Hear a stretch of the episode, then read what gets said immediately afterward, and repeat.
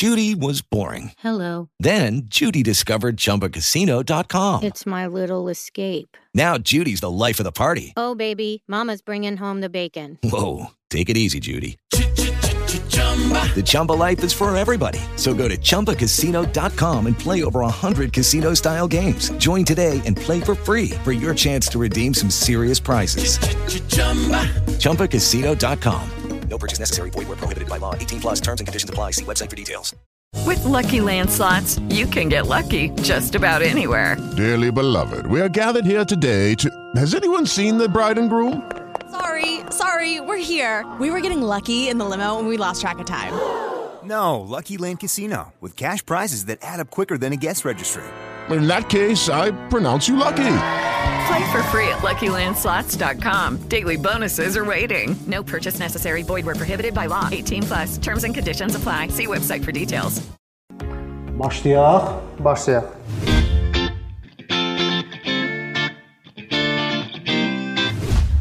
Peşin Peşəkarı verilişinin bugünkü qonağı İsmail Hüseynlidir.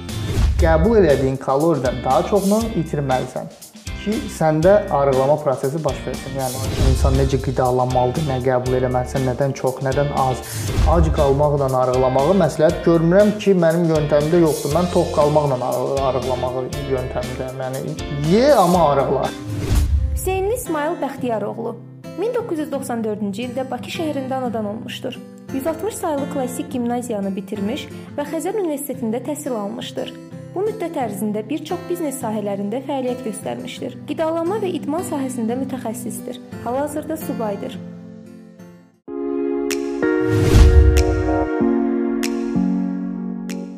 Biznesinizin texnologiya tərəfdaşı IT Pro Azərbaycan şirkətinin sponsorluğu ilə verilişimiz davam edir. Dəyərli izləyicilərimiz salam, sizi Bizneskar kanalımızda salamlayırıq. Peşin Peşəkarı verilişinin bugünkü qonağı qidalanma və ə, idman üzrə mütəxəssis İsmail Hüseynlidir.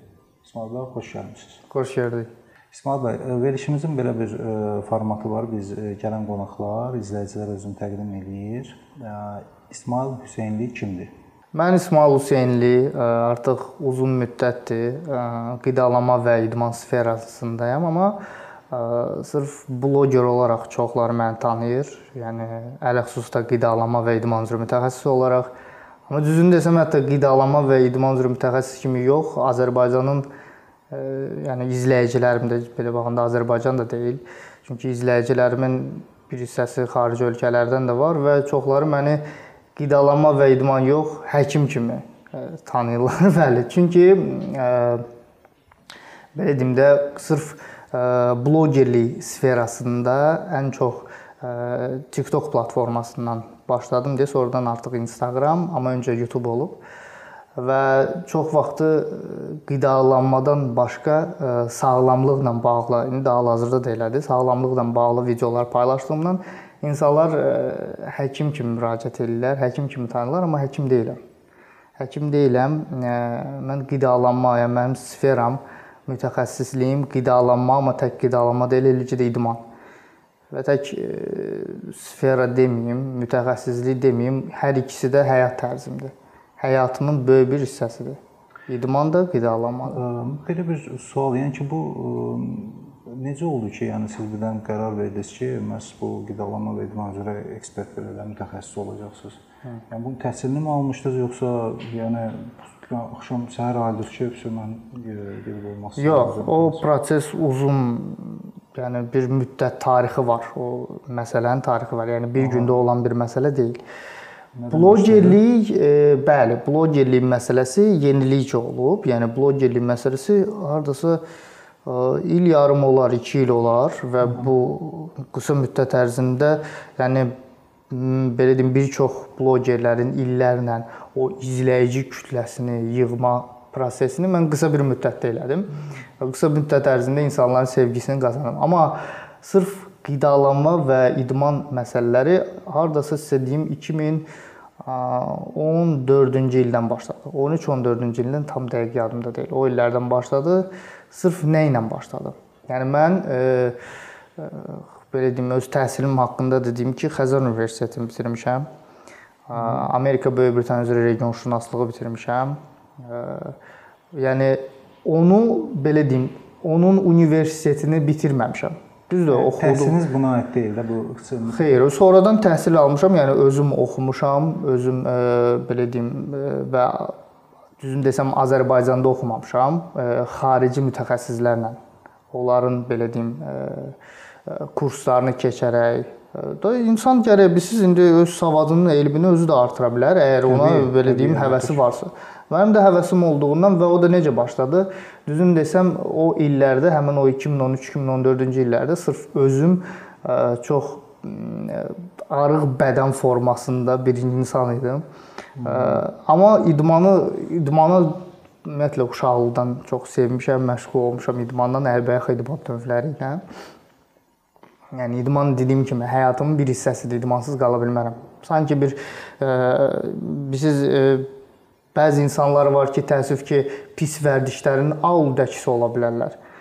Ki mən insanlara bunu təbliğ edirəm ki, belə şeylərdən uzaq olsunlar. Mən isə idman aludəkisiyəm. Yəni qala bilmirəm də bu bir hissəsidir. Və o 2014-cü ərəfələrdə e, qərara gəldim ki, e, siz ətrafda hamı bilir ki, idmanla məşğulam. Amma qıraqdan baxan görmür bunu. Çünki insan arıqdır. Yəni e, reallıqda görsənmir. Yəni şey atletik yoxdur, bir hə. bədən forması yoxdur. Bu da siz mənim öz xasiyyətimə uyğun deyil, həyata prinsiplərimə uyğun deyil. Çünki bunu sonradan mən e, qeyd eləyəcəm. Mənim həyatda bir dənə prinsipim var ki, güclü olmaq prinsipi. Güclü olmaq da sırf fiziki gücdən getmir. Ümumiyyətlə, ümumiyyətlə güclü olmağın mən bu mənim zəif yerimdir. Yəni mən zəif ola bilmərəm yenə də deyirəm, sırf fiziki, mənəvi də, maddi, e, ruhən, e, elmi cəhətdən, savad cəhətdən, yəni ideal olmağı üçün belə baxanda. Bəli, böyük məqsədləri qoymalısan ki, böyük insan olasan. Kiçik məqsədlər qoysan, kiçik insan olacaqsan. Hər zaman deyirəm bunu. Və o illərdən başlayaraq artıq fitness sferası, bodybuilding, body fitness deyil, sırf bodybuilding sferası, çünki ayrı-ayrı şeylərdir əslində. Yavaş-yavaş, yavaş-yavaş bir müddətdən sonra artıq həm çəkilərim başladı artmağa, qidalanmaya başladım araşdırmağa ki, insan necə qidalanmalıdır, nə qəbul eləməlisən, nədən çox, nədən az. O get-gedə də biraz da o girsən də o məsələlərin hmm. içinə ki, mən sırf məndə maraqlı idi o. Yəni öz üzərində eksperiment aparırsan da. Bəli, öz üzərimdə, bəli. Və ona görə indi hal-hazırda mən mütəxəssisəm. Ona görə kim mənə hal-hazırda da müraciət edirsə ki, nəsə yardım, bir köməklik eləsin ki, Kimisi nə bilim, arıqlamaqdan ötürü, kimisi kökəlmə, kimisi əsələ inkişafı falan beşməşə. Mən onu qısa və gözəl yöntəmlə bu istədiyi formaya sala bilərəm. Çünki bilirəm. Çünki bir var kitabını oxuyursan, amma praktikan sıfır. eləmisən. Mən ikisini də eləmişəm. Kitabını da oxumuşam, praktikanı da eləyirəm uzun illər. İsmail, prosta burada bir məsələ var. Bax, insanlar e, ümumiyyətlə götürdükdə hamısı fərqlidir də.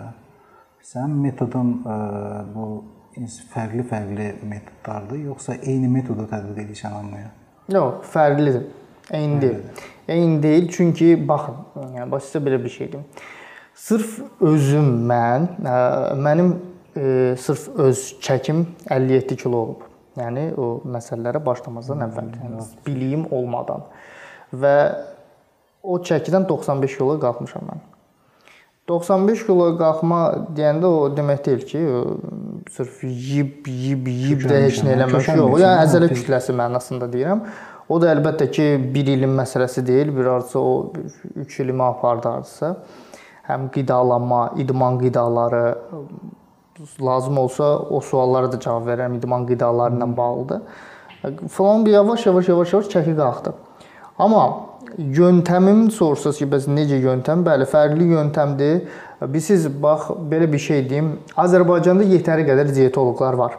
Və o dietoloqların mən sizə deyim, mən yəni mən dietoloqlarla işləməmişəm heç vaxt və sırf bu sferada belə deyim də bu 1 il ərzində mən gördüm ki, e, barmaqla sayılası qədər mütəxəssis var. Var. Çox azdır tanıdığım, tanımadığım insanlar var, amma araşdırıram onları. Çünki onlar bəlkə də mən onlarla ünsiyyətdə deyiləm, mən onları araşdırıram. Çünki əgər belə deyim də siz jurnalistsinizsə, digər jurnalist barəsində də məlumatınız olmalıdır ki, onlar necə yöntəmlə işləyirlər, nə edirlər. Mən araşdırıram. Yəni mən elə insanam ki, çünki mən bir pillə daha yüksəkdə olmağı sevirəm. Ki görüm bu nə edir, mən nə edirəm. Bu normaldır belə baxanda bazar. Elə də olmalıdır və 10% bəlkə mütəxəssis olar olmaz. Qalanları, yəni çox aşağı səviyyədə, çoxları da Instagramda və çoxları da heç adam bilirsiniz, prosta səhifə açıb, yəni Instagramda elə səhifələr çoxdur. Ad, soyad belə yoxdur. Arıqlama kökəldirəm, arıqladıram. Bəli, cürbəcür o marafonlar, ucuz-ucuz və insanlar da bilirsiniz mənə yazırlar ki, çünki indi mən yoxlamamışam, amma olub çox insanlar var ki, yoxlayır da deyir bəlkə həqiqətən də faydası var.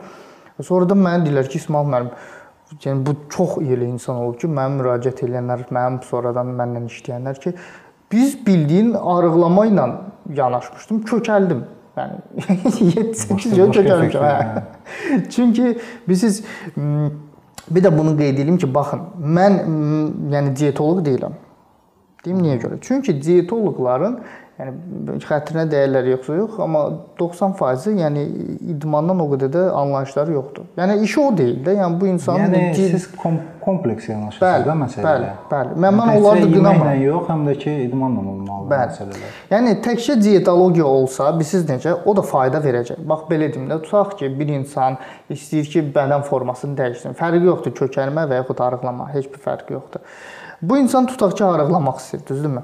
Dietoloqa müraciət edir. Dietoloq əgər mütəxəssisdirsə, ona düzgün yanaşmanı göstərəcək, yəni ki, belə qidalan, falan qidanı qəbul elə, falan vaxtı, falan qədərdə izah eləyəcək bunu. Və bu insan bəli, nəticəni görəcək, dəyişəcək. Əlbəttə ki, dəyişəcək. Amma burada bir məsələ var.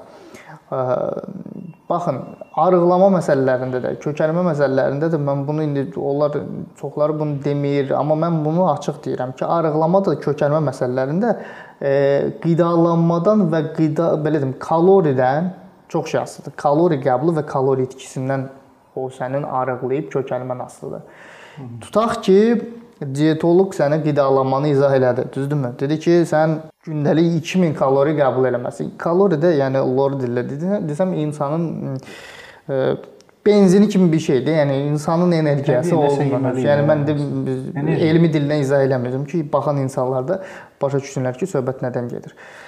Bəli, və izah elədi ki, sənin üçün gündəlik yazdı bunu. Sən 2000 kalori, 1000 ka fərqi yoxdur, qəbul elirsən. Baxırsan ki, riayət elirsən, amma çəkin az gedir.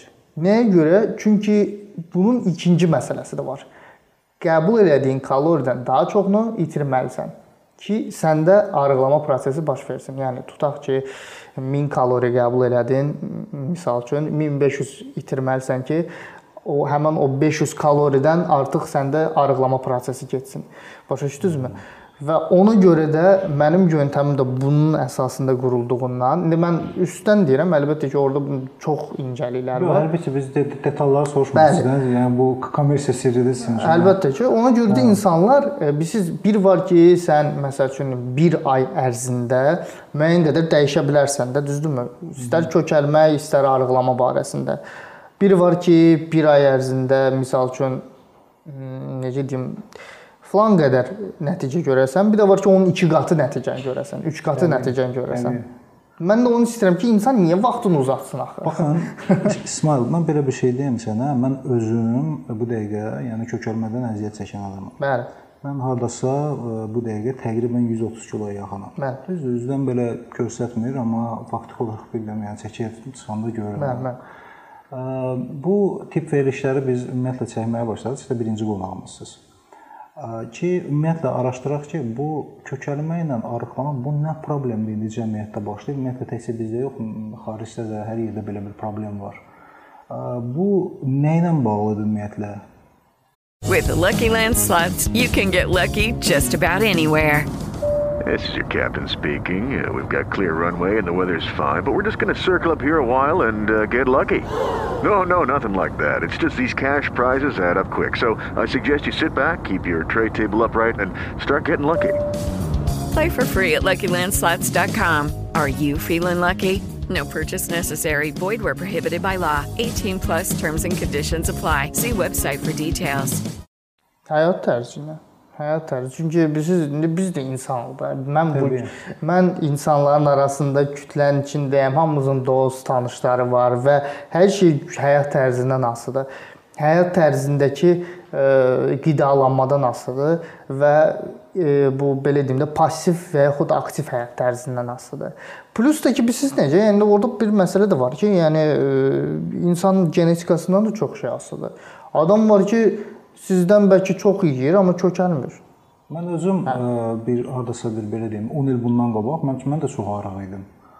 Mən də yeyirdim, kökəlmə ümumiyyətlə yox idi. Məndə sonradan bu proses başladı. Ümumiyyətlə mənim özümə həm həmişə maraqlı idi ki, nəyə görə bəziləri elə sadəcə olaraq yeyir, heç bir kökəlmə vermir, digərləri isə normaldır. Yəni insan bilirsiniz ektomorf var, endomorf var, yəni mezomorf var.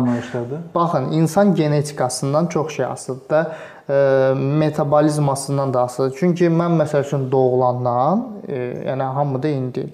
Bir insanın doğulandan metabolizması sürətli ola bilər, digər insanda isə əksinə yavaş gedən metabolizma ola bilər də. Yəni bunun metabolizması sürətli deyil. Kimdə ki sürətli deyilsə, metabolizması rusca abmenvişes deyirlər, maddələr mübadiləsi deyirlər ona. Kimdə ki o sürətlidirsə, bu insan yəni kökəlməyə ümumiyyətlə meylli insan deyil. Başa düşdünüzmü? Və o insanlara daha çox kalori qəbul eləmək lazımdır. Yəni 2000 mən qəbul edim, 2000 o qəbul qəbul eləsin. O kökəlməyəcək, mən kökələcəm. Çünki onda metabolizma sürəti gedir, məndə isə yox. Nə, nədən asılıdır? genetikadır. Yəni doğulandan elə və bəzi insanlarda sonradan o dəyişə bilər. Yəni siz onu sonradan özünüz də dəyişə bilərsiniz. Bəs məsəl üçün irsi əgər ə, kökəlmə varsa, bəli, bunun, bunun artıq siz dediyiniz ə, növlərə aidiyyəti yoxdur, onun? Və irsi kökəlmə elə o odda siz irsi doğulandan bu ana atadan gedir. Metabolizm yəni zəif işləyirsə bu irsi kö kökəlmə. Və sizdən asılı deyil. Yəni sizdə məsələn insandan asılıdır. Məsələn mənim ətrafımda elə insan var ki, Bu adamın dərdi kökəlməkdir. Adam kökələ bilmir, çəkisini artıra bilmir. Var, var. Yəni dərdidir. Nə qədər heç onun da müəyyən problemləri var. Nəyə görə çəkisi artımır? Sizdə məsəl üçün bax siz deyirsiniz ki, mən uzun illərdə əksinə heç kökəlməmişəm. Yəni hə, mən kökəlmədim. Yox. Ola bilər ki, orada başqa bir proseslər də gedə bilər. Ola bilər hormonal disbalans, hormonal səviyyədən də asılıdır. Misal üçün belə bir şey deyim sizə. Bunu qadınlar daha yaxşı bilir. E, qadınlarda belə bir problem olur çünki. Bir müddətdən sonra qadınlarda birdən-birə kökəlmə prosesi baş verir. Durduq yerdə, yəni adam başlayır kökəlmə, o durduq yerdə olmur. Yəni nəyə görə baş verir? Hormonal dərmanlar qəbul etməkdən. Hormonal dərmanları qəbul edirlər, hormonal disbalans baş verir və adam başlayır kökəlməyə. Xanımlar bunu daha yaxşı bilirlər yəni hormonal dərman qəbul edən insanın insan mənə müraciət edəndə ki, bəs köməkli eləyin. Yəni mən ona köməkli eləyə bilmirəm, çünki bu adam onu qəbul eləyir deyə mən ona bir şey eləyə bilmərəm. Dərmanı həmin adam dayandırmalıdır ki, bəli, dayandırmalı. effekti başlasın da verməyə. Yəni dayandırmaqla da iş bitməyəcək. Çünki sən artıq bir 15-20 kilo çəki artırmısan. Yəni artıq sən burada səndə artıq Aha. çəki var. Sən də belə oturduğun yerdə nə olsun dərman qəbulunu dayandırırsa, oturduğun yerdə o getməyəcək. Yəni onun üçün nələrsə eləməlisən. Ümumiyyətlə İsmail çəkini atmaq asandır yoxsa artırmaq? O da yəni hansı, əslində hansı hər ikisi də asandır. Hər ikisi. Hər ikisi də asandır. Yəni Sənin üçün hər ikisi asandır. Bəli, əgər düzgün yanarsaz, siz bax məsəl üçün belə bir şey deyim sizə. Kökəlmə ilə bağlı. Bax çoxlarının problemidir ki, mən kökələ bilmirəm. 90% mən sizə deyərdim ki, bu kökələ bilməyən insanların problemi şeydə heç metabolizmada da deyil, hə, metabolizmandan deyil. Bağırsaq sistemində olan o parazitlərdədir. Lambliya varı, qurtda lor dildə qurt deyirlər ona. Yəni bağırsaqda olan qurtdur. Yəni faydalı yoxsa faydasızdır? Yəni qoymur kökəlməyə. Yəni sən Hı. öncəliklə mənə mənə də müraciət edirlər. Necə eləyək kökəlmə? Necə edim kökəlmə? Öncəliklə onu müalicə elə. Yəni varsa elə də var. Yəni kökəlməyə qoymamalı deyirsiz. Qoymur, hə, bəli, qoymur. Öncə onu yəni, analiz edir. sonradan yəni əldə etmək olar dərmanla, yoxsa o nəsə yəni Hə, ya arıqlamaq üçün qurd əldə etmək istəyirsiniz. Görürəm amma amma kökələn yəni o əslində yəni sağlamlıq üçün o qədər də faydalı bir şey deyil. Çünki bilirsiniz siz e, nəyə görə qoymur o kökəlmə? Çünki siz mineral, vitaminləri qəbul edirsiniz, yəni yeməklərdən də. Amma bunlar o siz yediyinizin elə bir ki, bilirsiniz nəyə oxşayır? Bir cür loru dildə desəm elə bir ki, üzr istəyirəm, o e, hamilə olan qadınlar olur. Axı bu insanın bətnində uşaq var və bu normaldan daha çox qida qəbul eləməli. Çünki bu iki canlı insandır da. Yəni bir hissəsi buna gedir. Bəli, bir hissəsi də ona gedir. Ona oxşar bir şeydir. Yəni o həmin o parazitlərdə sənin o minerallar qəbul etdiyin bir hissəsini sağır səndən. Yəni maraqlıdır. Yəni belə hə. oturmaqla, yeməklə həm də ki o sənə kömək eləyir ki, onu azaltmağa. Yəni mən ailə zarafat eləyir bu. Elə insan görməmişəm amma maraqlı bir hissiyat. yəni ki, əgər ona kömək eləyirsə, bu adamı qoymursa kökəlməyə faktiki olaraq, arıq saxlayırsa, yəni ona da kömək eləməlidir əslində. Bəlkə də daha azdır onlar. Amma sağlamlığa zərərdir axı. Yəni təbii, mən siz necə bax belə bir şey deyim. Bu insanların da statistikaya əsasən 100%-dən 70% arıqlamaq istəyirsə, 30% kökəlmək istəyir. Yəni çox insanların dərdi arıqlamaqdır, nəinki kökəlmək. Mən çünki bu insanların içindəyəm. Yəni müraciət edənlərin olaraq statistikanı sizə ki, çoxları arıqlamaq istəyir və çoxları da arıqlamaqdan ötürü zərərli yolları keçməyə hazırdılar. Yəni adam deyir ki, mən e, məsəl üçün bilirəm amma bu zərərlidir. Bu dərman olmaz. Qəbul eləyəcəm. Məsələn bilirəm ki, mən məsələn üçün deyirəm ki, dəyərli izləyicim, dəyərli dostum, əziz insan, ac qalmaqla arıqlamağı məsləhət görmürəm ki, mənim yöntəmimdə yoxdur. Mən tox qalmaqla arıqlamağı yöntəmindəyəm. Yəni ye, amma arıqla. Düzgün saatçı ye. Yəni ac qalmaqla sən arıqlaya bilərsən, ya arıqlayacaqsan. Çünki artıq orqanizmə lazım olan o belə deyim, e, qidalar qəbul olunmur və orqanizmdə bizi Allah Taala belə yaradıb ki, biz bu nəyisə bu benzin olaraq bu nəyisə işlətməlidir ki, sən hərəkət edirsən axı, tərpənirsən, nəsə edirsən. O da baxır ki, nə işlətsin? Hə, onda artıq piyləri başlayır işlətməyə. İşlədir, yəni benzin olaraq. Məsələ də burasındadır ki, o düzgün deyil. Çünki sənin bir tərəfdən arıqlayırsan, amma o bir tərəfdən sənin immunitetin düşür aşağı, hormonal səviyyə düşür aşağı və sonradan hər hansı bir xəstəlik də tuta bilərsən. Özdəki indiki Bəli. vaxtda isə ümumiyyətlə bu virusların o məşhur olan vaxtlarında çox təhlükəlidir. İsmail, belə bir ə, məsələ var. Deməli, ə, belə bir miflər gəzir də xalq arasında ki, məsəl üçün siqaret çəkmə, siqaret çəkir, araq içir və yaxud da eləyir, arıqdır, araq qalır, kofe içir, energetik içkilər içir. Hı -hı. Bu nə qədər düzgün şeydir ki, o məsəl üçün onu arıq saxlaya bilər və yaxud da kök saxlaya bilər. Əslində belə deyim sizə, bu içkilərdir, alkoqollu içkilər, siqaretdir. Bəli, belə bir deyim var ki, mən siqaret çəkirəm deyə mən arıqam. Əslində yox. Yəni bu yəni dərinliyə getsək onun ona heç aidiyyəti yox. Düzdür, hər bir halda ziyandır. Bəli, siqaret də ziyandır. Bəlkə də indi az-çox nəsə təsir eləyə bilər ki, adam o qədər siqaret çəkir ki, artıq ağız tamı belə, yəni keyləşib də bu insan yeməyə belə iştahı yoxdur. Da o qədər çəksən o bəlli məsələdir. Yəni paçkalarla siqaret çəkənlər var ha. O hə, əlbəttə ki, indi az-çox təsir eləyəcək də. Yəni bu insan səhər oyanan kimi bir insan ki, səhər oyanır, yemək yeməkdən öncə bu adam siqaret çəkir. Yəni İsmail, mən ə, sözünü kəsirəm. Atam məsəl üçün uzun müddət, yəni uşaq vaxtından demək olar ki, siqaret çəkir bu adam. Bir ə, 10 il bundan qabaq adam siqareti durdu, səhər dedi ki, mən çəkmirəm, ondan bəri çəkmir. O, o tərəfə də baxmır. Amma o çəkməyənə qədər bu insan həqiqətən yaxşı bədən quruluşu, belə fiziki bədən quruluşu yaxşı idi. İndi hal-hazırda da yenə də yaxşıdır. Sadəcə olaraq kökəlmə həqiqətən var. Mən nəyə görə sor soruşuram sualı? Çünki nəinki mifdir, həm reallıqda da nəsə görürük biz. Yenə də deyirəm, yəni bir insan nə qədər çəkib Günən yəni yəqin ki bilərsiniz də. Bu bir rahat 2 paçka çəkirdi. 2 paçka, 3 paçka çəkirsə, bu ona gətirir ki, bu insanın artıq ağız dadı belə itib, yəni insan heç yeməyə həvəsi yoxdur. Amma məsələ ondadır ki, yəni onda da yaxşı yeyirdi, indi də yaxşı yeyir. Yəni sadəcə onda arıq idi, indi kökəldi. Hə, bu məsələ odur da, yəni ki, o bizi şey Əsən mif elə belə əmələ gəlmir də. Nədənsə əmələ görürlər ki, əmələ gəlir də belə şeylər. Yox, amma yenə də deyirəm, bunun ondan ümumiyyətlə, yəni siqaretin metabolizmaya təsiri ümumiyyətlə yoxdur. Yəni olsa da belə çox cüzi bir şey ola bilər. O da ki, daha onun tərkibində o qədər lazımsız o maddələr var ki, bəlkə az-çox amma yəni onunla bədən üçün də ziyandır təbii ki. Ondan mən məsəl üçün yüzlərlə insan tanıyıram ki, adam günə elə 2 paçkada çəkir, amma idmançıdır. Yəni bodybuilderdir çəkir. Gözəl bədən forması da var. İştahı da yaxşıdır yerindədir. Yəni onun ona aidiyyatı yoxdur. Aha.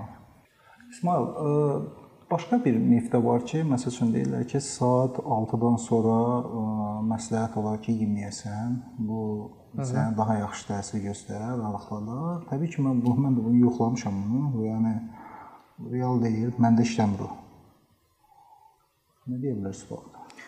Belə deyim sizə, məsələ bilirsiniz nədən gedir? Baxın, saat niyə görə ümumiyyətlə deyirlər ki, 6-dan sonra yemək yemək olmaz. Əslində burada bir dənə ə, fərq yoxdur 6, 7. Yəni orqanizm sırf ümumiyyətlə bilmir saat neçədir. Orqanizm saat 6-7 məsələsini bilmir. Burada məsələ başqa şeydədir ki, siz məsəl üçün 6-da yeyirsiniz, düzdürmü? Tutalım ki, son yeməyiniz 6-dadır və yaxud 7-dədir. Və bəlli məsələdir ki, biz gecələr yatırıq. Sizin 3-4 saat sonra siz yatacaqsınız. Yəni saat 6-da yesən, okey, 10-da, 11-də yatacaqsan.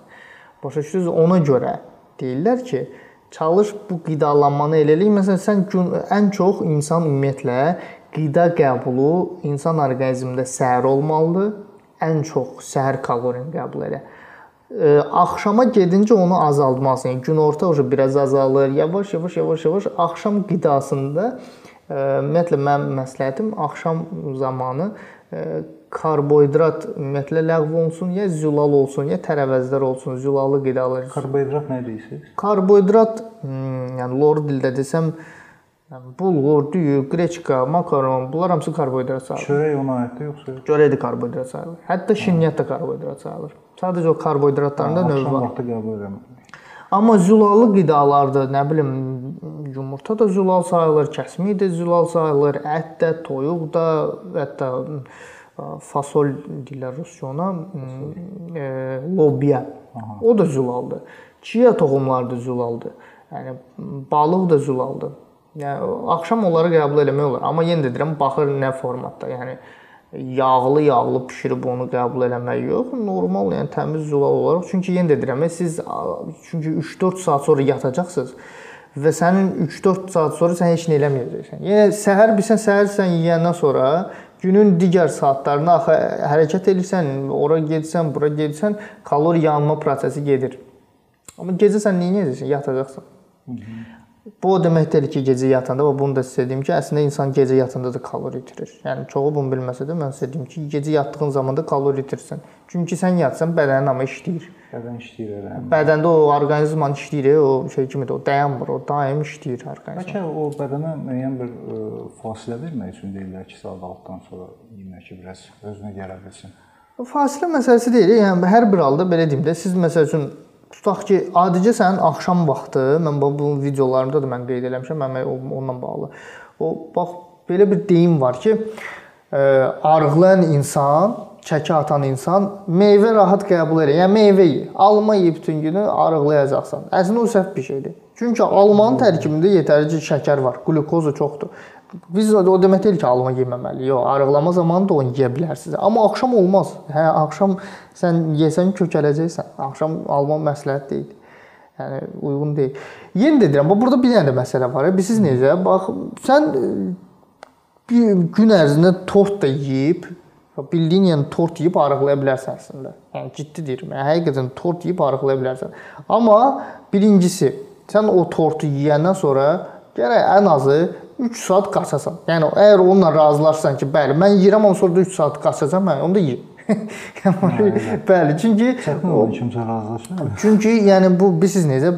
Bax düzgün qidalanmadır, idmandır. Mən hər zaman deyirəm, bu biz mən mənim məqsədim var. Mən insanların sağlamlığından ötürü xidmət edirəm. Mən millətimə görə xidmət edirəm və mən insanlara izah edirəm ki, düzgün qidalanmadır, idmandır. Buna bir müddətli kimi bir şey kimi yanaşmayın. Yəni Diyeta saxlayıram, arıqlayıram, diyeta qutarır, nə gəldi, yeyirəm, necə gəldi, qidalanıram, idman yox, heç nə yox, təzədən kökəlirəm. Da onda bunun nə məqsədi? Elə onda da niyə saxlayırdın o dietanı? Təzədən onsuz kökələcəksən də. Yəni hansı məqsədi? Toya hazırlaşam, toy qabağı arıqlayım, sonra təzədən kökələrəm. Səhv bir şeydir. Olmaz. Həyat tərzinizə bunu çevirin ki, çünki bu gözəlliyi də qoyduq bir qırağa. İndi bu gözəllik heç sağlamlıq üçün zərərlidir. E, nə bilim belə bir şey deyim sizə. Məsəl üçün artıq çəki olması intensiv həyat tərzi sürmən sənin qaraciyərə də pis təsir eləyir, hormonal səviyyəyə də pis təsir eləyir. Bu qaçılmaz bir faktdır. Bu normaldır. Yəni artıq çəkisi kök olan, çox olan insanlar məsələn sizdə genetik olaraq sizin boyunuz hündürdür də Yəni sizdə o 130 kilo çəki, amma o formada deyil də. Yəni adam 130 kilo çəkidə olan insanlar var ki, belə gedirlər. Yox, bilirəm. Məndə sümük yumru şəkildə gedirlər. Və o insanlarda hal-hazırda testosteron səviyyəsi çox bərbad bir vəziyyətdədir. Yəni hormonal səviyyə çox aşağı vəziyyətdədir. Yəni o çox pis bir şeydir. Nəyə görə? Çünki bu normal şirniyyat onun qabağını alır. Yəni yağıllıq onun qabağını alır. Olmur da, yəni şəkər qəbul etsən düşür aşağı. Olmaz. Onda elə çıxır ki, biz əgər nəyəsə başlamaq istəyiriklə, arıqlamaq, kökəlmək fərqi yoxdur. Biz avtomatik olaraq həyat tərzimizi dəyişməliyik. Bəli, mən onun onun yolunda onu məsləhət görürəm insanlara. Bəs İsmail, belə bir şey deyək. Bax, idmanla əgər biz məşğul oluruqsa, deyək ki, məsəl üçün müəyyən bir həyat tərzini dəyişirik və idmanla məşğul olmağa başlayırıq. İdmanla ümumiyyətlə necə məsləhət görürsən? Səhər daha yaxşıdır məşğul olmaq yoxsa axşam? Əslində faydalı olar belə. Bəli, əslində idmanla məşğul olmaq, yəni vaxtım varsa axşam da olar, vaxtım varsa səhər də olar. Amma e, mən onunla bağlı da video paylaşdım. Sırf əgər arıqlama məqsədi ilə deyirsən ki, idmanla məşğul olmaq, yəni əzələ inkişafını demirəm, amma sırf arıqlama məsələsi ilə bağlıdırsa, səhər ac qarnına idman da deyəndə, yəni demirəm trenajor gedib və yaxud hər hansı bir çəki qaldırma demirəm. Yəni intensiv idman hərəkətlərindən söhbət. Kardio, hə, nə qaçış falan beşməkan, yəni intensiv hərəkətlərdən söhbət gedir ki, səhər ac qarnına eləmək daha məsləhətdir. Onda daha çox piyarma prosesi gedəcək. Amma Bu o demək deyil ki, günorta idman eləsən və yaxud axşam idmanla məşğul olsan, sənin xeyri olmur. Yox, onda da olacaq əlbəttə ki. Yəni günorta deyil, axşam deyil, burası səhər daha, daha çox, hə, daha çox effektiv olacaq. Amma hmm. yenə də deyirəm, amma yəni sonra mən videonu çəkdim, sonra mən yazılır ki, "A, bəs mən axşam eləyirdim idman, günorta eləyirdim." Onda elə, axşam da elə, günorta da elə. Fərqi yoxdur. Yəni əsas elə əsas bizən şey çünki mən belə deyim də çox bu insanlarla işləyirəm. Mən hər dəfə kimsə yazanda ki, sağ olun İsmail bəy, mən çox dəyişmişəm. Nə biri deyir talya mincəldi, belin aya mincəldi, biri nə çəkisində, biri kökəldi. Mən elə xoşdur ki, yəni adam bilirsiniz elə sevidir. Çünki bilirsiniz necə əslində mən belə bir belə bir böyük bir şey ona demədim. Prosta mən bildiyim şeylərin belə deyim də, baxın Bu yoldan, baxın, burdan bura, düzdürmü? Sən belə-belə də gedə bilərsən, düzdürmü? Burdan sən 10 ilə də çata bilərsən və burdan belə düz yolla belə gedib daha tez və rahat çata bilərsən. Mən sadəcə olaraq sənə bax belə yolla getməyi göstərim ki, belə get. Yönləndirirsən. Hə, sən bəlkə də özün də öz mənsiz oxuyub, araşdırıb, nə bilim üzr istəyirəm, daşdan daşa baş dəyə dəyə belə belə belə belə belə belə gəlib bura çata bilərdin. Və gec çatacaqsan. Vaxt, vaxt, vaxt, vaxt isə həyatda ən vacib şeylərdən biridir. Yəni vaxt mənə görə çox vacibdir. Hətta artıq vaxtı dəyərləndirməyə bacarsan həyatda, inan ki, qabağında heç kim dayana bilməyəcək. Onu dəyərləndirməyə bacarmaq lazımdır. Yəni insanlar onu dəyərləndirməyə bilmirlər. Çoxları bilmirlər. Güclü iradə Bəli, bəli. Bu nə qədər kömək edir? O ən vacib, ən vacib e, amillərdən biridir. Yəni güclü iradə olmasa həyat tərzini dəyişə bilərsən? Yox, mümkün. Yəni o vacibdir, o çox vacibdir. Yəni e, insanların elə problemi ondadır da, yəni iradə yoxdur. Adam deyir ki, bəli, adam deyir ki, mən bax siz e, mənim izləyicilərim bilir ki, mənim gün ərzində 1000 SMS belə gəlsə hamıya direktə cavab verəcəm, hamıya. Yəni mən hamıya cavab verirəm. Çünki yəni əvvəlcədən bundan başlamışam, axıra kimi də belə gedəcəm. Çoxdur SMS-lər, yəni dostlarım belə bilir ki, mən gedirəm görüşməyə, bax belə oturmuşam. Yəni tanımayanlar elə bilir ki, o deyir telefonda oynayırsan, yox, o işimi görürəm, bu mənim işimdir. Instagramda da. Bəli, Instagramda hamıya cavab verirəm. Biz e, bu fürsətdən istifadə edən də təbrik etmək istəyir. Siz 100 minə bəli, 100 min, bəli, bəli, dünən Instagramda gördük paylaşımı. Və 100 min belə deyim, milyona çatasınız. Qısa müddət ərzində oldu. Yəni mən 2 e, ay, yoxsa 3 ay, 2 ay, hə, 2 ay bundan qabaq mənim o qədər izləyicim yox idi. Yəni 2 ay bundan qabaq 10 10 minə yaxın izləyicim var idi. 2-3 aydır, yəni Instagram çox gözəl məndə Çox aktivsiz, həddindən artıq. Heç bir şey eləmirəm, amma yəni sponsorlu reklamlar, hər hansı bir səhifələrə demə, yəni sə böyük səhifələr var, paylaşırlar videolarımı, heç mənim xəbərim olmadan girirəm, bir də görüm göndəriblər ki, paylaşıblar. Və səhifələrdə də qeyd eləmişəm ki, paylaşırsınız, paylaşın. Yaxşı eləyirsiniz. Amma Instagram səhifəmi qeyd eləyin. Qeyd eləmirsiniz. İndi deyirsiniz ki, mən niyə bunu pulsuz reklam eləmirəm? Halbuki mənim özüm onlar reklamdır. Sən mənim əgər videomu paylaşsansa, bu deməkdir ki, sən mənim müəllif hüquqlarımdan istifadə edirsən. Məsələ orasında deyil. Amma ən azından o şərhləri izləyin. Təbii ki, onu Yəni şərhlərdə yazılan e, şər şeylərə önəm verin. Çünki mən e, bilirsiniz necə, mənim kontentim e, elə kontentdir ki, özünüz görürsüz də düzgün qidalanma, idman, həyata motivasiya, yəni həyata düzgün baxan insan heç təşəkkürdən başqa bir şey yazmamalıdır da. Yəni təşəkkür edirəm, çox sağ ol, əhsən, gözəl. Hmm. Amma indi olur da, yəni blogerlər bilir. Mənə belə bir də görürsüz nəsə artıq əski bir şey yaza bilərlər. Bilmirəm niyə, olur, amma indi olur. bu təəssüf ki, yox, həm o bizdə də olur, o, yəni ki, hə, yəni adam indi var da o. Hamı sevə bilməz belə deyim. Yox, bilirsiniz necə? Bax sizə bir dənə şey deyim də. Hamı sevə bilməz. Bəli, razıyam. Amma e, iradəni də hamı bildirə bilər. Yəni irad bildirə bilər. Mən nə deyə bilərəm ki, insan mən də bildirə bilərəm. Xoşum gəlmir. Yaxşıdır, tənqid eləməyəsən. Tənqid tə təhqir eləməyəsən. Yəni təhqir sən elə. sən heç kim təhqir heç kimi təhqir eləyə bilmə hüququ belə yoxdur və Yenə dərd yarı bilirsiniz necə adamın nə bilim kontenti ona uyğun olar. Heç o, o da düzgün deyil, amma deyərəm ki, hə də bu insan kontenti ona uyğundur. Nə bilim, nəsə deyə yazıb da. Yəni var TikTok sosial şəbəkəsində də var elləri, Instagramda da var ki, mən şəxsən baxıram, ingilis dilində ona poker face deyirlər. Yəni belə eləyirəm də, yəni bu nədir də, yəni bu nədir axı? Niyə ümumiyyətlə insanlar buna baxır axı? Hə, yəni bunu kimsə indi söyüş falan ifadə edir, deyirəm ki, hə, da bu da özünü o yerə salıb ki, bunu söyürlər də. Amma Hı. belə insanlar, yəni mənə kimi insan, əksinə mən ə, ölkəmin inkişaf eləməyi üçün böyük bir rol oynayıram. Yəni hal-hazırda mən ölkəm üçün xidmət eləyirəm. Və belə insan, yəni ağıllı başlı insan əksinə, yəni ki, onu da eləyirlər zaten 90 90% insanlar bunu eləy elədiyinə görə də bu saat mən 2-3 ay ərzində 100 min izləyici olmuşam Instagramda. TikTok sosial şəbəkəsində 300 mindir. Amma hə, yəni o səhifələrə də burdan da yəni baxırlarsa demək istəyirəm ki, o səhifələr baxın, izləyin. Yəni paylaşmısınız, paylaşın. O böyük səhifələrdə paylaşırsınız, özünüz bilin, paylaşın. Yenə də deyirəm, eybi yox. Halbuki mən qeyd eləmişəm ki, Instagram səhifəm qeyd olunsun. Elmirsinizsə ən azından o şərhləri izləyin orada.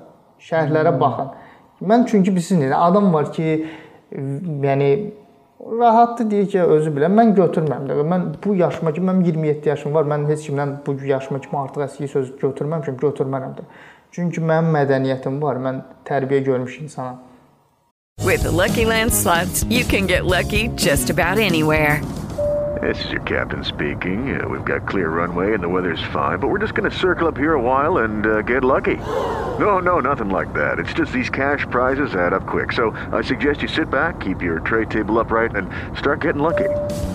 Play for free at LuckyLandSlots.com. Are you feeling lucky? No purchase necessary. Void where prohibited by law. 18 plus terms and conditions apply. See website for details. Valideynlərimdən də bunu görmüşəm. Gələcəkdə öz övladlarıma da bunu göstərəcəm. Məndən sonrakilər də onu göstərəcək. Mən bunu təbliğ edirəm insanlara da. Mən sevmirəm elə şeyləri ki, durub nə bilim e, Siz mənim yolum o yol deyil. Mən həyata başqa cür baxan insanam. Çox çox yaxşı başa düşürük. Biz də yəni təqribən sizin yolunuzdan gedirik, həmin yolla. Elə də lazımdır. Mən də istəyirəm ki, bugünkü gənclər, bugünkü gənclər mənim yolumu getməsələr də amma ən azından mənə oxşar bir yolla getsinlər. Mən onlara bunu göstərirəm ki, e, çöldə, bayırda çox mən görürəm elə şeyləri 15, 14, 16 yaşlı uşaqdır. Siqaret çəkir, nə bilim, o belə belə şeylər baxıram. Elə sürür. Yəni yəni TikToka baxmaq kifayət eləyir də, yəni vəziyyəti tutmaq üçün. Bir də görürsüz bu yaxınlarda oldu ya, baxdım, istədim deyim, sonra dedim ki, əşi, buna valideynə o tərbiyəni vermisən, mən buna nə öyrədəcəm? Və mən o uşaqlarda günah görmürəm ha. O uşaqlar mən onlara yazığım gəlir. Həqiqətən də. Necə ki hmm. mən xəstə uşağa o qədər yazığım gəlir, nə ki onlara o qədər yazığım gəlir. Yəni xəstə uşaq belə bir olsun o çoxları valla baxsan elə tərbiyəli, elə gözəl insanlarla Allah onları şəfa versinlər inşallah ki, şəfa tapsınlar. Amma bax elə insanlar mənim onlara yazığım gəlir. Çünki onların da günahı yoxdur. Onların valideynlərində də o günah ki, o uşağa elə tərbiyə veriblər ki, o uşaq, o uşaq neynəsin? O doğulanda heç bir uşaq ailəsini seçmir ki, mən harda doğulacam. Heç kim seçmir. Biri Afrikada doğulur, biri Azərbaycanda. Bu uşaq doğulub. Bu neynəsin ki, bunun valideyni belədir? Təsir edir axı, Cəmiyyət amma ən çox valideyn tərbiyəsi. Valideyn tərbiyə vermir və valideyn də əgər tərbiyə vermirsə, mən öz videolarımda deyirəm, əgər sən bu uşağa tərbiyə verə biləcək gücə malik deyilsənsə, öz tərbiyyən yoxdursa, xahiş eləyirəm, bu uşağı dünyaya gətirmə. Çünki sən bu uşağı dünyaya gətirmə, belə uşaqları dünyaya gətirib tərbiyə verməmən və tərbiyəsiz uşaqlar bax bu o kruq dilləri, o tərbiyəsiz uşaqlar ətrafı ölkəyə zərərdir. Bizim ölkənin cəmiyyətinə də zərərdir. Ölkənin ki, ölkən qabağa aparan savadlı, bilikli, özünə güvənən gənclərdir. Biz mən mən ölkəmi təmsil edirəm. Mən yəni sabah bir gün xaricə gedəcəm, xaricdə çıxış eləyəcəm və ölkəmi təmsil eləyəcəm ki, deyəcəm mən Azərbaycanlıyam. Ümumiyyətlə sizin statistikaya görə arıqlamaqdan, kökəlməkdən nə qədər, dost bunların arasında əgər statistika aparsaq biz, qadınlar daha çox əziyyət çəkir yoxsa kişilər? Məncə bərabərdir, amma müraciət edənlər daha çox qadınlardır. Bir də sosial şəbəkələrdə biz belə sizin sosial şəbəkələrdə gördük ki, belə formadin, bir də aspirindən müxtəlif qatqılarla problemlərin həllini göstərirsiniz. Bəli. Yəni bu dərmanlar yəni bu qədər möcüzəvi təsir var. Bəli, bəli. Həqiqətində yəni bu buna el arasında o türkə çarə deyirlər. Aha. Bu həqiqətən də belədir. Məsəl üçün adicə bir şey deyim, mən ən çox sevdiyim mixəydir.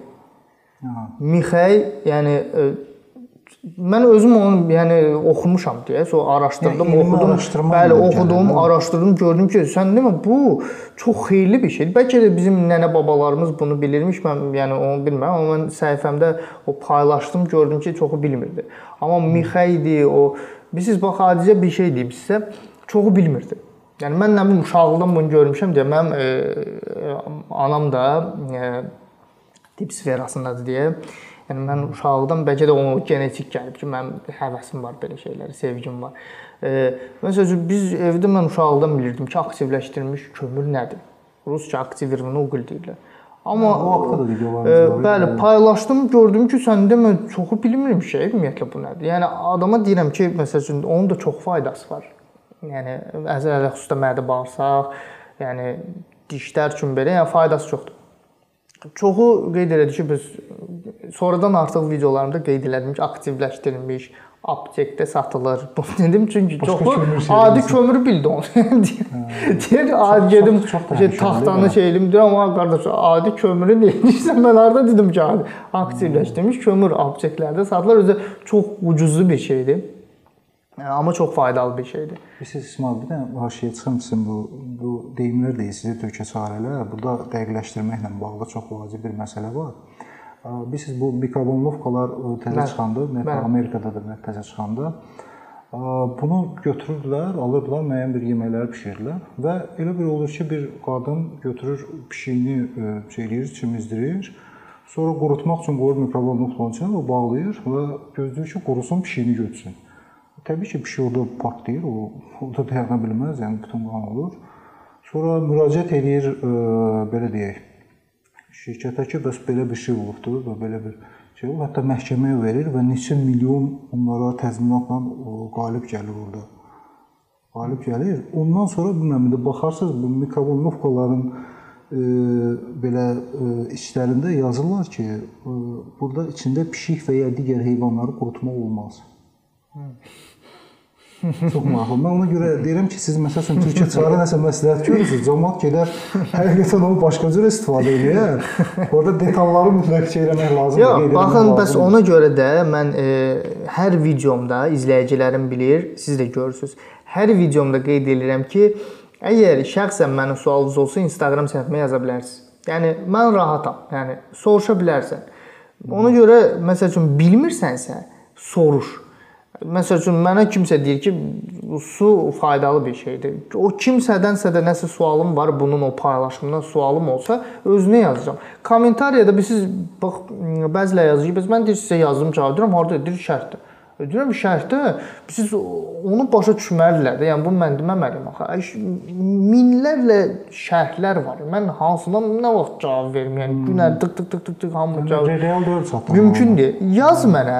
Ola bilər ki, gec cavab verəcəm, çünki SMS-lər çoxdur, amma cavab verəcəm. Hmm. Soruş mən köməklik eləyəcəm və hər videodan videoya siz onu düz toxundunuz ki, çalışam daha da çox artıq incəliklərə, detallara, detallara ki, siz şey eləsinlər də, önəmsəsinlər. Bax, ə, İsmail, necə fikirləşsən, ə, məsəl üçün insan ə, uğurlu olmaq üçün uğurlu olmaq üçün bu sağlam bədən quruluşudur, ümumiyyətlə sağlam qidalanmaqdır.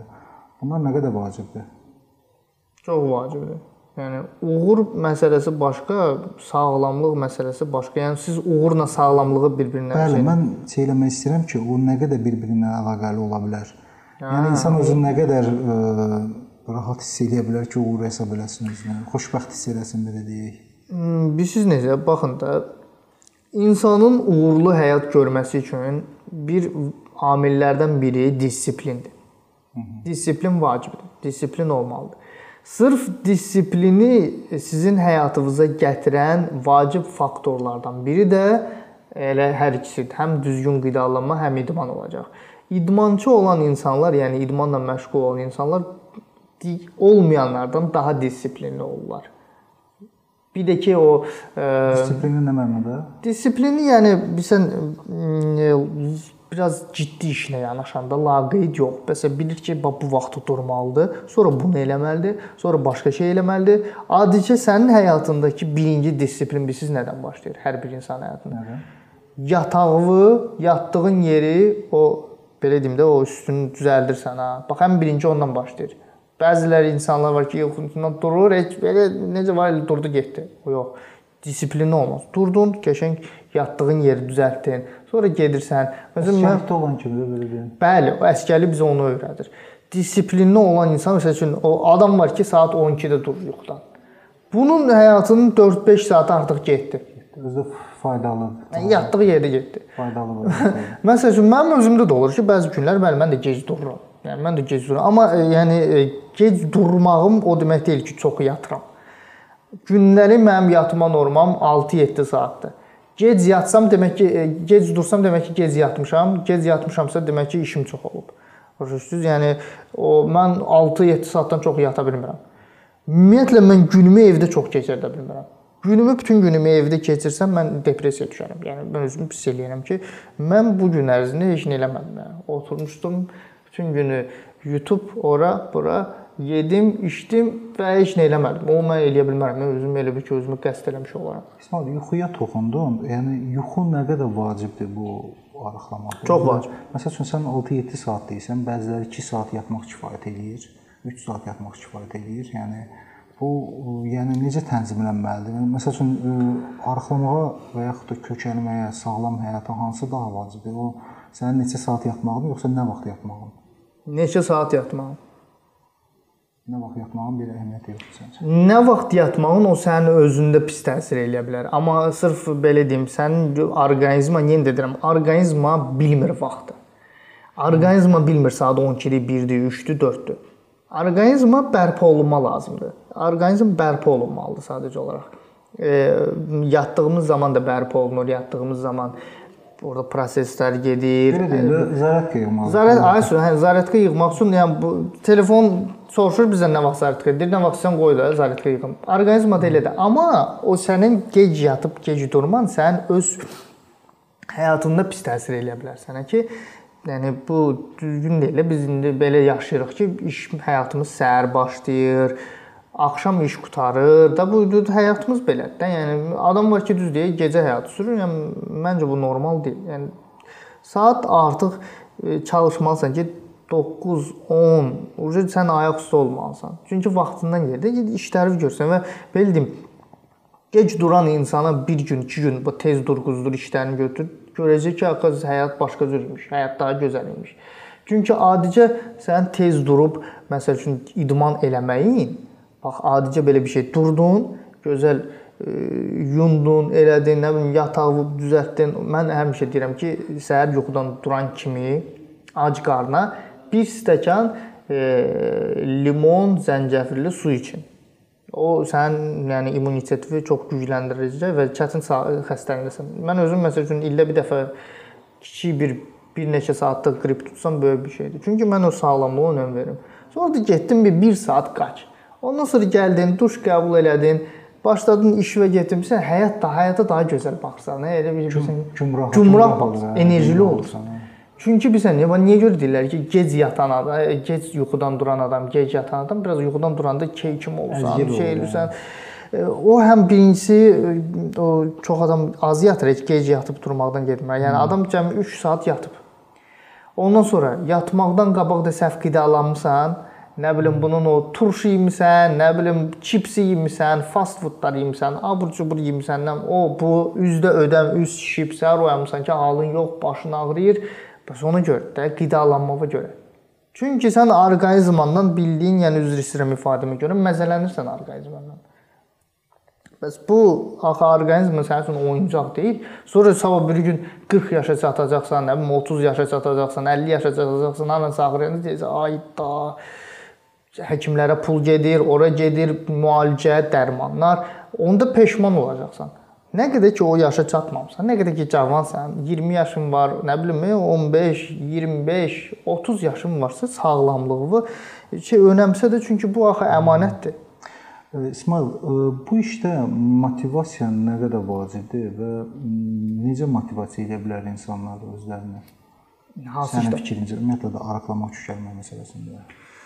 İki motivasiya var da, iki əsas motivasiya var. Bir sağlamlıq, iki gözəllik. Yəni əgər sən, bax mən deyirlər Mən şeydir, istəyirəm arıqlayım, amma şey özümü saxlaya bilmirəm, iradəm yoxdur. Nə bilim, şirniyyat məsələn mən deyirəm ki, şirniyyat qəti qadağan. Yəni istər arıqlamaq istəsən, istər kökəlmək. Ümumiyyətlə olmaz. Yəni şirniyyatdan uzaq ol. Hələ xüsusilə arıqlamaq istəyənlər. Çünki sağlamlıq üçün çox zərərlidir. Yəni şirniyyat bir nömrəli insan düşmənidir. Yəni şirniyyat yəni insan yəni arıqlamaqdan vəbsə fikirləşmədən, yəni bil ki, kökəlmə sənin qarantin üçün az da olsa lazımdır bu. Bəli, lazımdır. Yəni şəkər yəni, demək, şirniyyat.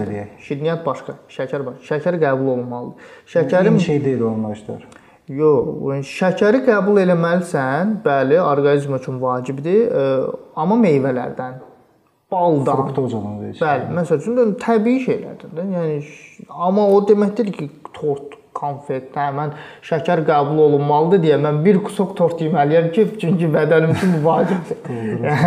Yox, bədənim üçün vacibdir. Mən mən mənim e, belə deyim, yöntəmlərimdə gündəlik şəkər qəbulu var. Amma şirniyyatla yox, şirniyyatla qəti qadağan da olmaz. Bax məsəl üçün olub kimsə sizə məsəl üçün müraciət edib arıqlamaqla bağlı və bunu sonucda bu belə deyim, Allah göstərməsin belə anoreksiya tərəf gedibdi, daha çox arıqlama. Məndə olmayıb. Eşitmişəm, məndə amma yox olmayıb. Bu nədən ümumiyyətlə baş verir anoreksiya? Ümumiyyətlə qarşılaşmısınız? Anoreksiya psixoloji bir şeydir. Yəni adam tam. Hə, belə və anoreksiya xəstələrinə duçar olan insanların mən deyərdim 90%-i e, çox da kök olmayıb, yəni o qədər çəkisi olmayıb. Biraz ola bilər ki, artıq çəkisi olub. Sadəcə olaraq bu insan, onların çoxu e, modelliyə həvəsi olan elə xüsusilə xanımlarda olur. Xanımlarda hansı ki, o bizim bildiyimiz modelli dildə əslində professional modellik çox arıq bir insan olmalı. Professional model hündür, beli falan düz və çox arıq insan. Bəli və sırf o arzusunda olanlardır ki, hə mən istəyirəm olum. Sonra da bilsən dərinliyə girirlər. O ucu siz o ucu şey kimi də, yəni heç bir işin heç vaxt şeyinə, yəni dərinliyə çox da getməyin. Yəni With the Lucky Land slots, you can get lucky just about anywhere. This is your captain speaking. Uh, we've got clear runway and the weather's fine, but we're just going to circle up here a while and uh, get lucky. No, no, nothing like that. It's just these cash prizes add up quick. So I suggest you sit back, keep your tray table upright, and start getting lucky. Play for free at LuckyLandSlots.com. Are you feeling lucky? No purchase necessary. Void where prohibited by law. 18 plus terms and conditions apply. See website for details. Professional deyilsinizsə, professional insan dərinə getsə də biləcək ki, burada oje dayanmalıdır. Amma professional olmayan insan, yəni çox anoreksiya yaxşı bir şey deyil, yəni ölümə belə gətirə bilər. Sosial şəbəkələrdə videolarınız birində belə bir şey yazmışdınız ki, yəni ə, soyuducunun qapısını açarla bağlamaq lazımdır ki, kökəlməsin. Yəni, bu nə, nə qədər realdır, yəni belə Ya bu zarafat əlbəttə ki. əlbəttə ki, zarafat, amma bəlkə də yo niyə ki, məsələn, məncə kömək eləyər, yəni iradəsiz olan insanlar olsa mən sizə sındırmaz ya onu. Mən məsələn yoldaşım elə olsa, düzdür indi hərçənd ki, mən seçdiyim insan elə olmayacaq. Amma tutaq ki, elə bir insan olsa mən elə eləyərəm. Yəni açarı bağlayaram, deyərəm ki, yaxın gəlmə. Başqa sizə kömək eləyərəm axşam acam. Başqa yöntəmlər yox, yəni ağır yöntəmlərə keçmək lazımdır. Olmazsa olmaz. Bilirsiniz, adam var ki, iradəlidir. Hə, yoxlamaq lazımdır. Adam var ki, iradəsi yoxdur. Yəni bu təbii ki, zarafatdır. Bəlkə də kimsə yoxlayıb, bilmirəm. Bax belə bir şey olub ki, məsəl üçün nəsə metodlarınızı tətbiq eləmisiniz insana, amma effekt verməyib. Yox, olmayıb. Yəni ciddi hələ, hələ mən görməmişəm. Yəni həqiqətən də ciddi yanaşan bir insan oldusa, mütləq ki, nəticəni görməlidir. Mümkün deyil nəticəni. Mən görməmişəm. ki, nəticə görməsə əgər, bu yaxşı bir şey deyil, yəni. Demək ki, hər hansı bir problem var orqanizmdə. Yəni normalda elə bir şey olmamalıdır. Ona görə də mən belə deyim, mənim yöntəmlər, mənim yöntəmimdə, ə, yəni tutaq ki, kimsə mənə müraciət eləyir, deyir ki, mənə mənim xüsusi proqramlarım var.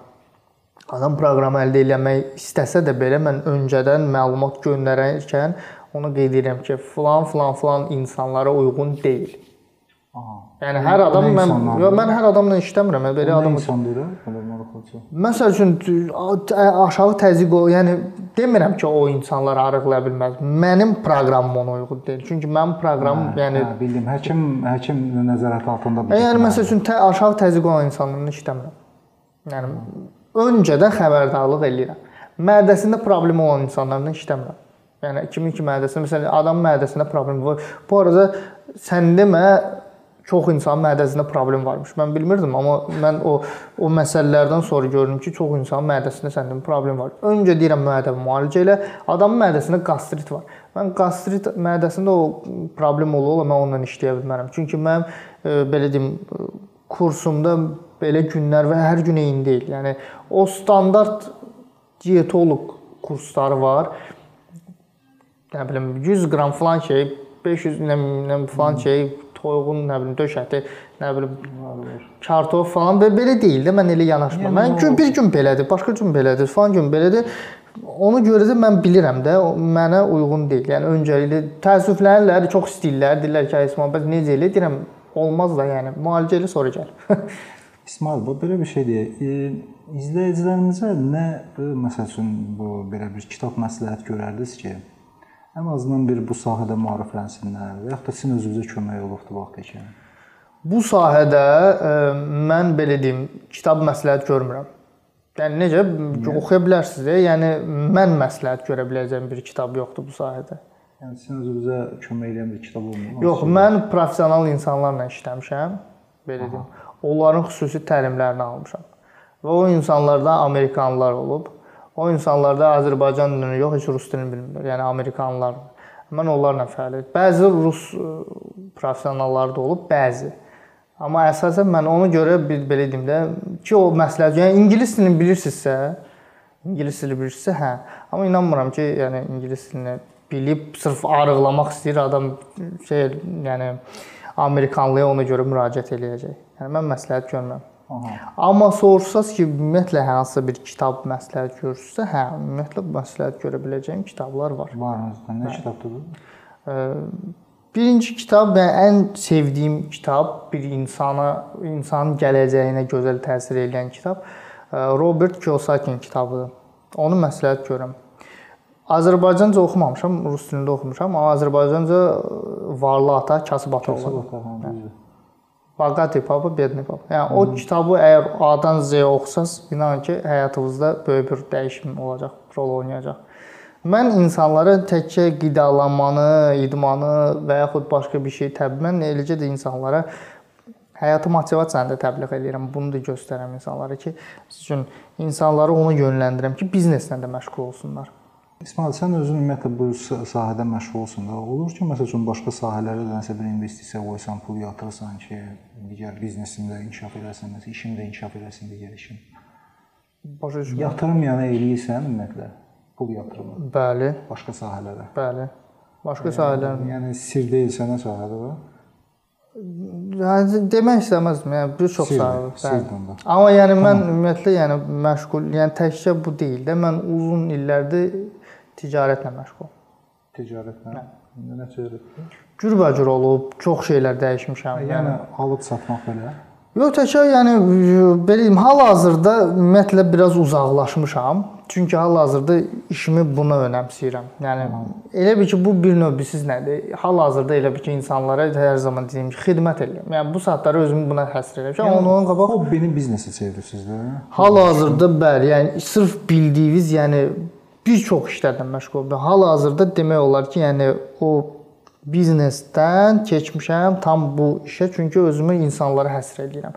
Amma bundan öncə bir çox işlərlə məşğul olmuşam. Yəni 16 yaşdan ə, sırf özüm öz hesabıma, yəni kiçik, kiçik, yavaş-yavaş bizneslə məşğul olmuşam. Yəni indi gördüyünüz iş sizə zövq verir. Bəli, zövq verir. Əlbəttə ki, yəni mən də ailəmi dolandırıram və çörək pulu qazanıram. Əlbəttə ki, normaldır. Mənim reklam çəkilişlərim olur Instagramdan, TikTokdan, ondan sonra proqramların satışı baş verir və s. və ilaxır, yəni başqa şeylər də var.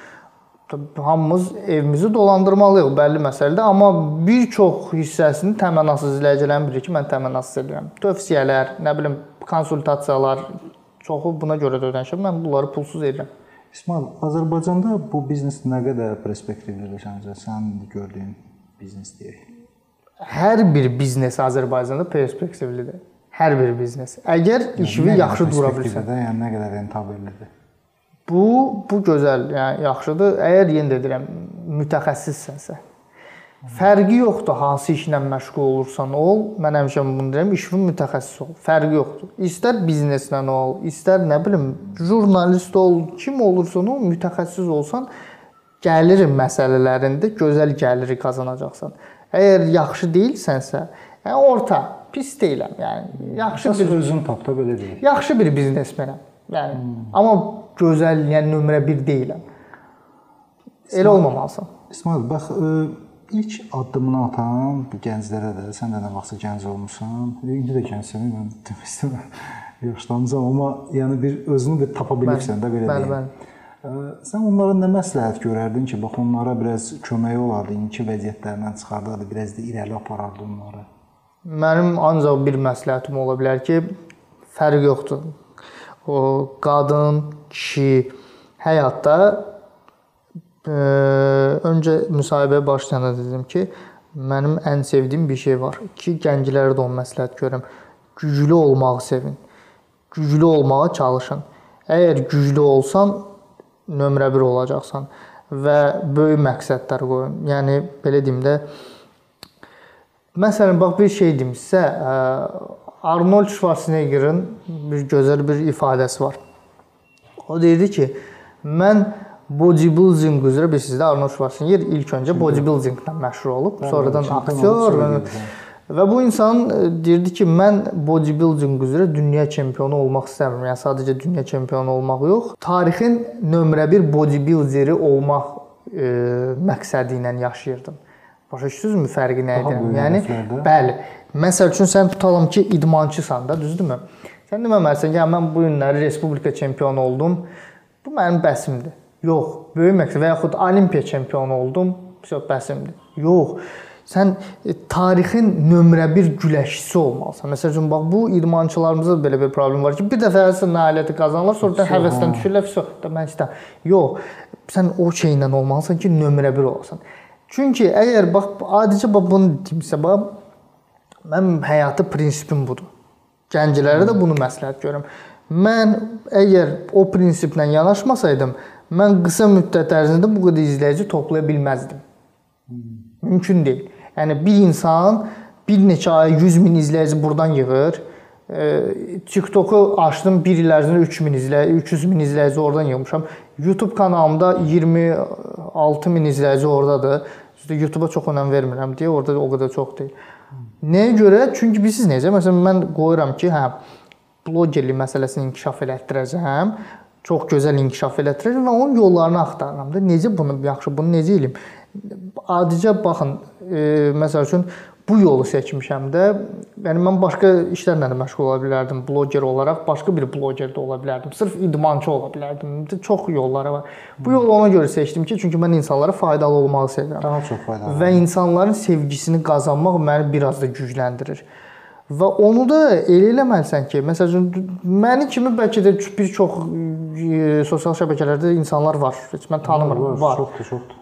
Amma hər insan axı tanına bilmir. Onun yollarını öyrən. Fərq yoxdur. İstər lap rəssam ol, kim olursan ol, fərq yoxdur. İşin mütəxəssisi ol, sevdiyin işlə məşğul ol və nömrə 1 olmağa çalış. Böyük məqsədlər qoy ki, böyük insan olasan. Dostlar, indi Instagramdan suallara başlayırıq və birinci sualımız Eysər Əhmədovdan gəlir. Hər səhər gümrah olmaq üçün nə etmək lazımdır? Elə mən bayaq da dediyim kimi bir stəkan səhər yuxudan birincisi tez dur. İkincisi bir stəkan mütləq şəkildə limon, zəncəfirli su iç və üçüncüsü biraz normal səslənməsə də isti yox, soyuq duş qəbul et. Soyuq duş. Soyuq duş qəbul et. Qış olsa belə. Məsəl müalicəvi effekti var məsələn. Bu hə, sağlamlıq üçün faydalı bir şey olacaq. Yəni yenə deyirəm, o soyuq duş qəbul edəndən sonra bəlli məsələdir ki, o o vəziyyətdə də çölə çıxmada, yəni qurulanıb çıxmalısan, yəni detallar bizə vacibdir. Hə, ona görə dəqiqləşdir. Başqa ə, Nail 2060 nömrəli izləyici deyir ki, 23 yaşım var, ə, sümüklərim çox zəifdir. Bunu qida ilə ə, gücləndirmək olarmı və hansı qidalar necə məsləhət olar? Olar əslində, niyə də yox? Amma yəni belə deyim, ən gözəl yolu kalsi qəbul eləməkdir. Süd məhsulları deyərdim, amma yəni süddür, ətdir. Bax adicə belə bir şey deyim, məsəl üçün bizim millətin xaş kimi bir milli yeməyi var. Sümük üçün nömrə 1 bir şey budur. Hə. Amma dərinliyinə getsək, o da genetik bir şeydir. Yəni faydası olacaq, kolossal deyil. Yəni sümüklərin zəifdir, nə demək? Yəni cavan uşaqsan sümüyün necə zəif olmalıdır? Arıqlığı deyirsə başqa məsələ. Yəni cavan uşağın sümüyü hardan bilir ki, sümüyü zəifdir? Hə, этот deməli elit ISSM1 adlı izləyicimiz soruşur, hardan gəldi ona bu ideya? Yəqin ki, görəcəyimiz iş hardan gəlibdir. Neçə ərzində tanınmağa başladı? Tanımaq məsələsini deyibdi, amma hardan gəldi buna bu ideya? Hardan gəldiyicə o elə dediyim kimi, bayaq da dedim ki, bir yolunu, yöntəmini axtardım ki, sırf o yolla başlayım. Fikirləşdim ki, elə bir yol başlamalısan ki, insanlara faydalı olsun. Yəni sən yumoristik bir şey də çəkə bilərsən, nə bilim 100 dənə yol var da. Yəni mən bu yolu seçdim ki, insanlara faydalı olum. Mən faydalı olmağı sevirəm. Başqa bir izləyicimiz Tent Zontik adlı izləyicimiz yazıb ki, məncə o özü ideal çəkidə deyil. İdeal çəkidə siz bilirsiniz? Hal-hazırda bəli. Deyim niyə görə? Baxın, nə ümumiyyətlə ideal çəki məsələsinə toxunum. E, misal üçün 1.75 boyun varsa sənin ki, Azərbaycanlı kişilərin standart boyları ortalama 1.70-1.75 arasıdır. Ortalama Tutaq ki, 1.75-dirsə ideal çəki 75 kilo olmalıdır. 75-78 bax belə bu ideal, normal çəkidir. Lakin əgər sən idmanla məşğulsansa və atletik bədən formasından söhbət gedirsə, onda artıq yox. 1.75 boyun varsa, çəkin ən azı 85 kilo olmalıdır. Ki mənim hal-hazırda boyum 1.74-dür. Çəkim isə indi 84 olmasa da mən 82, indi Ramazan ayında, Ramazan ayında mən bu saatları artıq 20 gündür. Ramazan ayında desən bir 20 gün olub da, səfərəm. Mən fitnessə getmirəm. Yəni idman zalında hal-hazırda məşğul olmuram, yalnız ev şəraitində. Çünki siz gərək iftardan sonra olsun, ya iftardan 1 saat qabaq. O da ki biraz alınmır deyə ev şəraitində. Ona görə də bu saat istədiyim formada deyiləm, amma normal yəni istəyirəm. Dostlar, indi tez-tez e, verilən suallar rubrikasına keçirik. E, burada qeyd edim ki, bu tamamilə montaja getmir, e, sürətli sual-cavabdır və maksimal dərəcədə tez cavab verməyiniz tələb olunur. Sevdiyiniz musiqi janrı? Fərqi yoxdur. Diplom yoxsa bacarıq? Bacarıq. Sevimli avtomobil markan? Mercedes. İndiyə qədər çəkilən ən yaxşı kino sənin fikrincə? Bir çox. Amma sevdiyim kinonu deyə bilərəm. Buyur. Rusca bilirəm. Volk is Wall Street sevdiyim filmdir. Sevdiyim futbol klubu? Futbol sevmirəm. Oteldən çıxanda hər birimiz özümüzlə nəsə götürürük oteldən. Mən belə deyim, götürüb deyəndə uğrayırıq da belə deyim. Biz özümüz də yeyirik. Siz nə uğrayırsınız? Mən axırıncı səfər Dubayda olanda bir şey götürməyən, düzün desəm mən götürdüm. Valla götürməmişəm. var idi, yəni balıqçı kişi sabunlar var, o da bu boyda deyil, onu nəyin götürür. Amma ilk dəfə olanda şey o şeylər, başmaqlar yoxdurmu? Ondan götürmüşdüm. O da ilk dəfə olanda. Başmaqlarda bilmirəm, nəsə nə belə nəsə var, hamı onu götürməyə. Hə, o evə ki qayıdırsan, nə deyirsən abi, xaricdən özümlə şey gətirmişəm, ondan da gətirmə. Xoşbəxt olmaq sənin üçün nədir? Xoşbəxt olma, e, yanında ailən olsun, sevdiyin işin olsun, söhbət eləyir. 9 vur 6 bərabərdir. Oy, 36, 54, 54. 54. 54. İlk sevdiyin xanımla harda tanış olmusan? Bağçada, məktəbdə, yoxsa iş həyatında? Yadımdadır. İlk sevdiyim xanım nə vaxt? Məktəbdə idi deyəsən, yoxsa? Ayaq yoluna telefonla gedənlərə necə baxsan? Normal özüm də. Həy həyatımdır. Yəni. Bax, indiyənə kimi qazandığın ən böyük gəlir. Aylıq gəlir deyirsən? Yoxsa bir dəfəlik gəlir. İndiyənə kimi qazandığın ən böyük bir dəfəlik gəlir.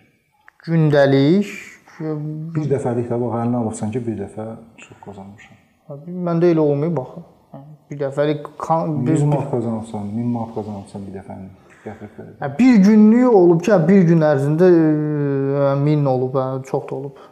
İndiyənə kimi itirdiyin ən böyük məbləğ? İtirdiyim itirdiyim məbləğ 1000 manat. İtirməmişəm. Oğurluq olub. Hansı kinoya baxıb təsirlənibsən? Bilirsiniz, mən bir dənə şey deyəcəm sizə. Elə kinolar çox olub. Olub, təsir eləyib o kinolar, Yadımda amma bir var. xasiyyətim var ki, o məndən asılı deyil. Mən filmlərin, bax bayaq kitab barəsində də soruşdunuz. Filmlərin adını, bir də kitabların adını yadda saxlaya bilmirəm. Yox, bizdə də var. Öpürəm. Mən də insanların adını çox çətin yadda Yəni m, çox kinoya baxmışam. Adları yadımda deyil. Yəni düzünü desəm. Hmm. Kitab da elədi. Yaxşı, bəs həyatınıza pozitiv təsir göstərən şəxs kimi adam deyə bilərsiniz? Belə ailəm, yəni anam, atam. Bir də qardaşım. Son səyahət etdiyin ölkənin adı? Elə Səudi Ərəbistan olub. Gələcəkdə səyahət etmək istədiyin 3 ölkənin adı? İstəyərdim Tayland olsun, ora olmamışam, amma istəyərdim. Bir də Kanada. Çünki ora çox getmək istirdim viza məsələlərinə görə. Tayland, Kanada, üçüncü hansı ölkədir? Üçüncü Vallahi üçüncü o qədər də önəmsəm, amma Fransa istəyərdim. Fransa. Fransada olmamışam. Ə, Ukrayna yoxsa Rusiya?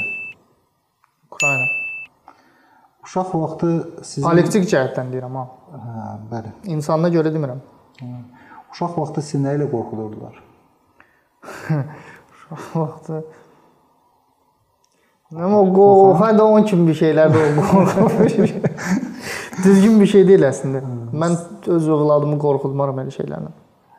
Sevdiyin idman növü? Əlbəyaxa idman növlərini çox sevirəm. Belə bir şey olsa, bir indi belə bir fürsət yaransa da, yaradıcı ilə görüşsən. Ondan nə soracardın? Mən bu sualı gözləmirdim. Sorsam ümid eləyirəm səni yanıltmadım da, yəni sən, hə. Ə, Mavritaniyanın paytaxtı.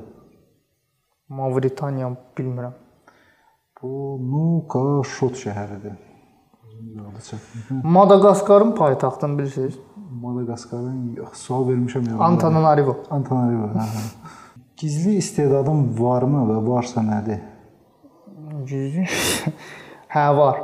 Nə? Ə, insanların daxili dünyasını hiss eləyə bilirəm. İstədiyim insan. Hətta. Yəni istədiyim, sevdiyim mənasında demirəm, amma istəyirəmsə onun daxili dünyasını hiss edə bilirəm. Energetika deyirlər ona. Elə bir şey var, insanların energetikasını hiss etmək. Bəs İsmail, hansı super gücün olmasını istəyərdin? Bax, sənə belə bir fürsət yaranıb seçməyə, hansı seçərdin?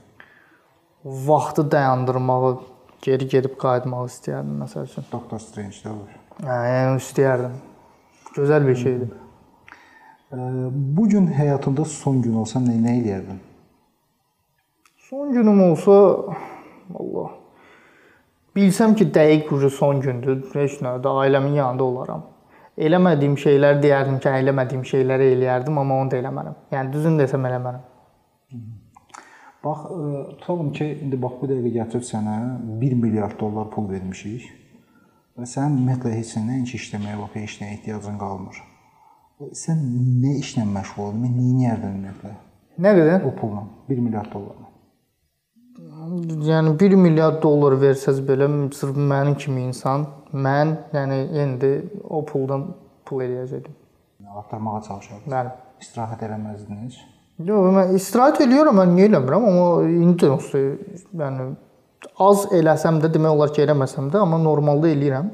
O pul mən bilirsiniz necə? Mən o tip insanlardan deyiləm ki, 5 günlük dünya kimi yanaşır. Pulu var, əfsə bəsimdir. Yox. İşləmək lazımdır. Həyatda məqsədimiz Maraq nədir? olsun, Oturdum bütün gün, onunla da bir şey olmaz. Bax, pul yoxsa vicdan? Vicdan. Güc nədədir? Ağılda. Dəyərli izləyicilər, indi konkurs mərhələsinə başlayırıq. Konkurs mərhələsində qonaq müəyyən bir hədiyyələr gətirir və o hədiyyə izləyicilərimiz arasında oynanılır. İsmail bəy, izləyicilərimiz üçün nə hədiyyə etmisiniz? Bəli, bir çox fikirləşdim ki, nə hədiyyə eləyim, çünki sahəmə uyğun nəsə hədiyyə eləməliyəm. Əlbəttə ki, və mənim sahəmə uyğun məncə insanlara ən çox xoş olan hədiyyə mənim proqramım əldə eləməkdir. O proqramı yəni çox insan əldə eləmək istəyir, amma mən ona hədiyyə olaraq verəcəm. Fərqi yoxdur. Yəni kimsə qalib gəlsə, istəsə arıqlama, istəsə çəki artımı fərqi yoxdur.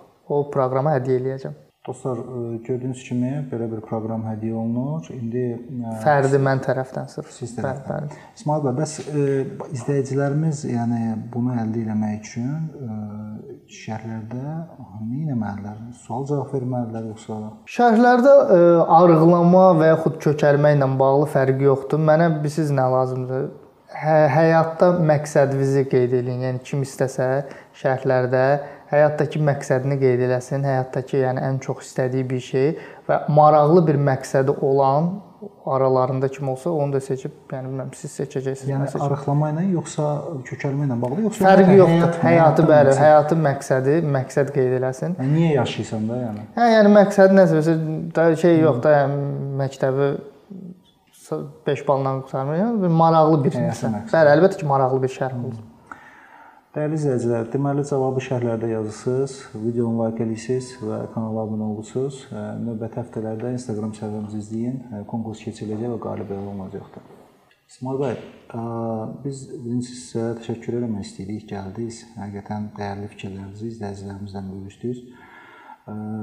Çox maraqlı diskussiyamız getdi. Həqiqətən çox mövzulara toxunduq, amma mən ümid edirəm ki, bu axırıncı olmaz. Yəni nöqtə qoymuruq bir yerdə. Yenə gələrsiniz, maraqlı fikirlərinizi yəni izləyicilərimizlə bölüşərsiniz. Bir daha təşəkkür edirik sizə gəldiyinizə.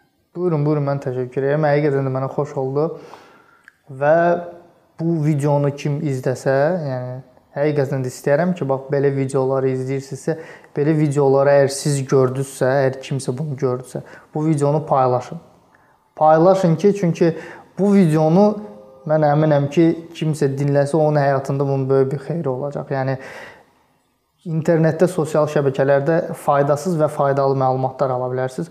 Bu alacağınız faydalı məlumatlardan biri idi. Ona görə çalışın həm də belə deyim kanalın inkişafı üçün də bu faydalı olar. Həmişə özüm də dediyim kimi bəyənin, paylaşın, abunə olun. İsmail bəy, təşəkkür edirəm gəldiyinizə görə. Dəyərli izləyicilər, gördüyünüz kimi biz ə, maksimal dərəcədə sizə maraqlı, ə, dolğun informasiyanı çatdırmağa çalışdıq. Bizdən bu qədər. Sizdən isə tələb olunan videonu like eləmək, fikirlərinizi şərhlərdə bildirmək və kanala abunə olmaqdır. Yeni videolarda görüşmək ümidi ilə sağ olun.